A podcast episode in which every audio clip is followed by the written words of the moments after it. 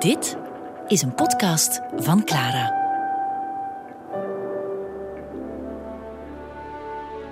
...11 november. 12 minuten over 5 uur.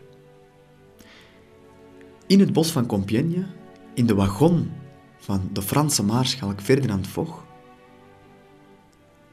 hebben de onderhandelaars een punt gezet achter hun urenlange discussies over de wapenstilstandtekst. Er is een wapenstilstand. Met het nodige gevoel voor dramatiek gaat Ferdinand Foch proclameren dat niet om 12 over 5 het punt wordt gezet achter die wapenstilstand, maar officieel moet iedereen weten dat het om 5 uur was.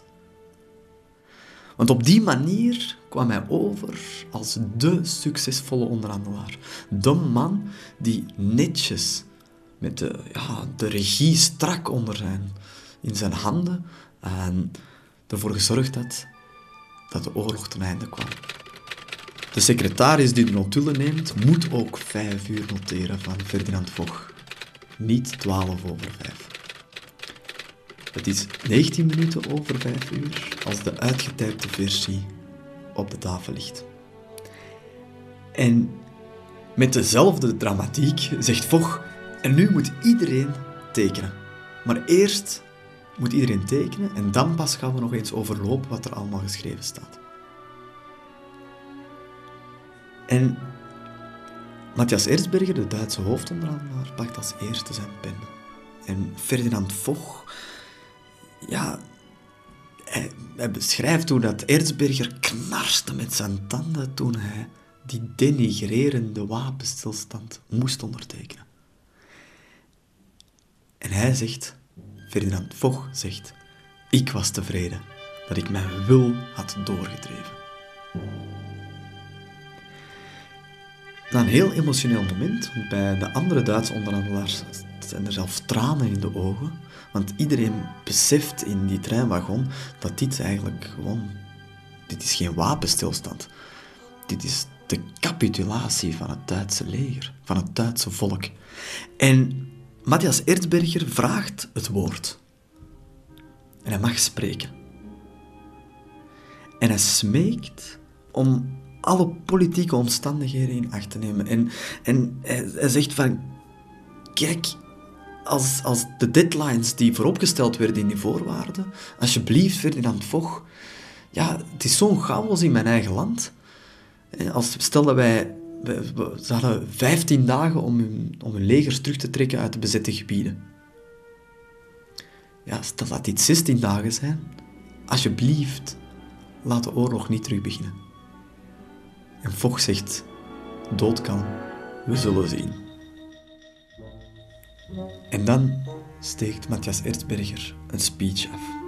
Hij, hij, staat op, hij trekt zijn pak goed en hij lijkt zelfs ingestudeerde woorden te spreken.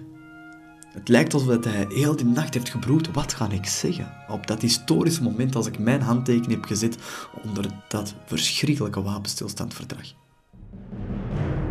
Het Duitse volk dat een wereld vol vijanden 50 maanden lang heeft afgehouden, zal zijn vrijheid en eenheid behouden, ondanks elke vorm van geweld. Een volk van 60 miljoen mensen lijdt, maar het sterft niet. Daarmee wilde Erzberger vooral benadrukken dat, dat hij die wapenstilstand onder dwang heeft getekend. Dat hij hij maakt zich al zorgen over zijn thuiskomst. Want hoe gaat hij herdacht worden? Hij is de man die de Eerste Wereldoorlog heeft doen eindigen door die handtekening daar te zetten. Maar in ruil daarvoor heeft Duitsland eigenlijk een, de straf gekregen, de schuld gekregen van heel die oorlog. Hij beseft dat hij zeker niet als held zal worden ontvangen. Dus eigenlijk net zoals Ferdinand Foch met zijn fixatie op dat uur, wilde ook hij op de best mogelijke manier in de geschiedenisboeken komen.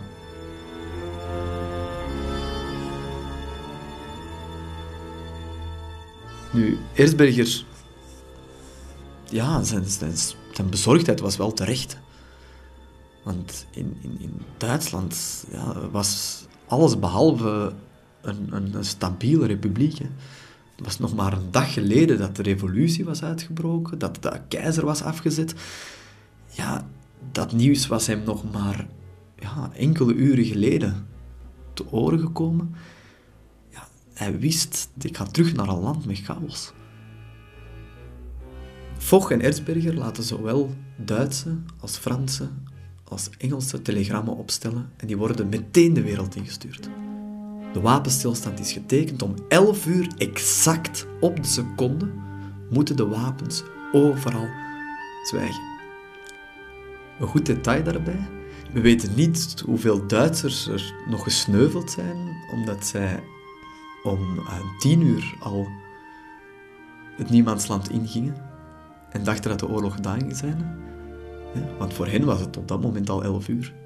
Uh, ook al werd er duidelijk gecommuniceerd naar de Duitse troepen dat om 12 uur voor hen de strijd gestaakt zou worden. Nu, het lijkt enorm bizar, maar het is realiteit. De strijd wordt niet gestaakt. Er zal gevochten blijven worden tot die laatste seconde voor het 11e uur. En dat wist Ferdinand Vogt, maar al te goed. Hij geeft zelf nog instructies mee om nog zoveel mogelijk strategische punten in te nemen. In de wagon staat iedereen recht. De Fransen, de Britten aan de ene kant en de Duitsers aan de andere kant. Net zoals in uw ontmoeting drie dagen eerder, wordt er geen groet gebracht, er wordt geen handen geschud, er wordt niet, niet eens geglimlacht. De Franse maarschalk, Ferdinand Foch, zegt très bien. En dan is er een pijnlijke stilte. En dan zucht hij, eh bien, monsieur, c'est fini. En met een norse allez wijst hij de Duitser de deur. En op die manier vertrekken de Duitse onderhandelaars naar hun treinstel in het bos van Compiègne. Het is diep in de nacht en de oorlog is eigenlijk voorbij. Maar er zal nog meer dan vijf uur lang gevochten worden.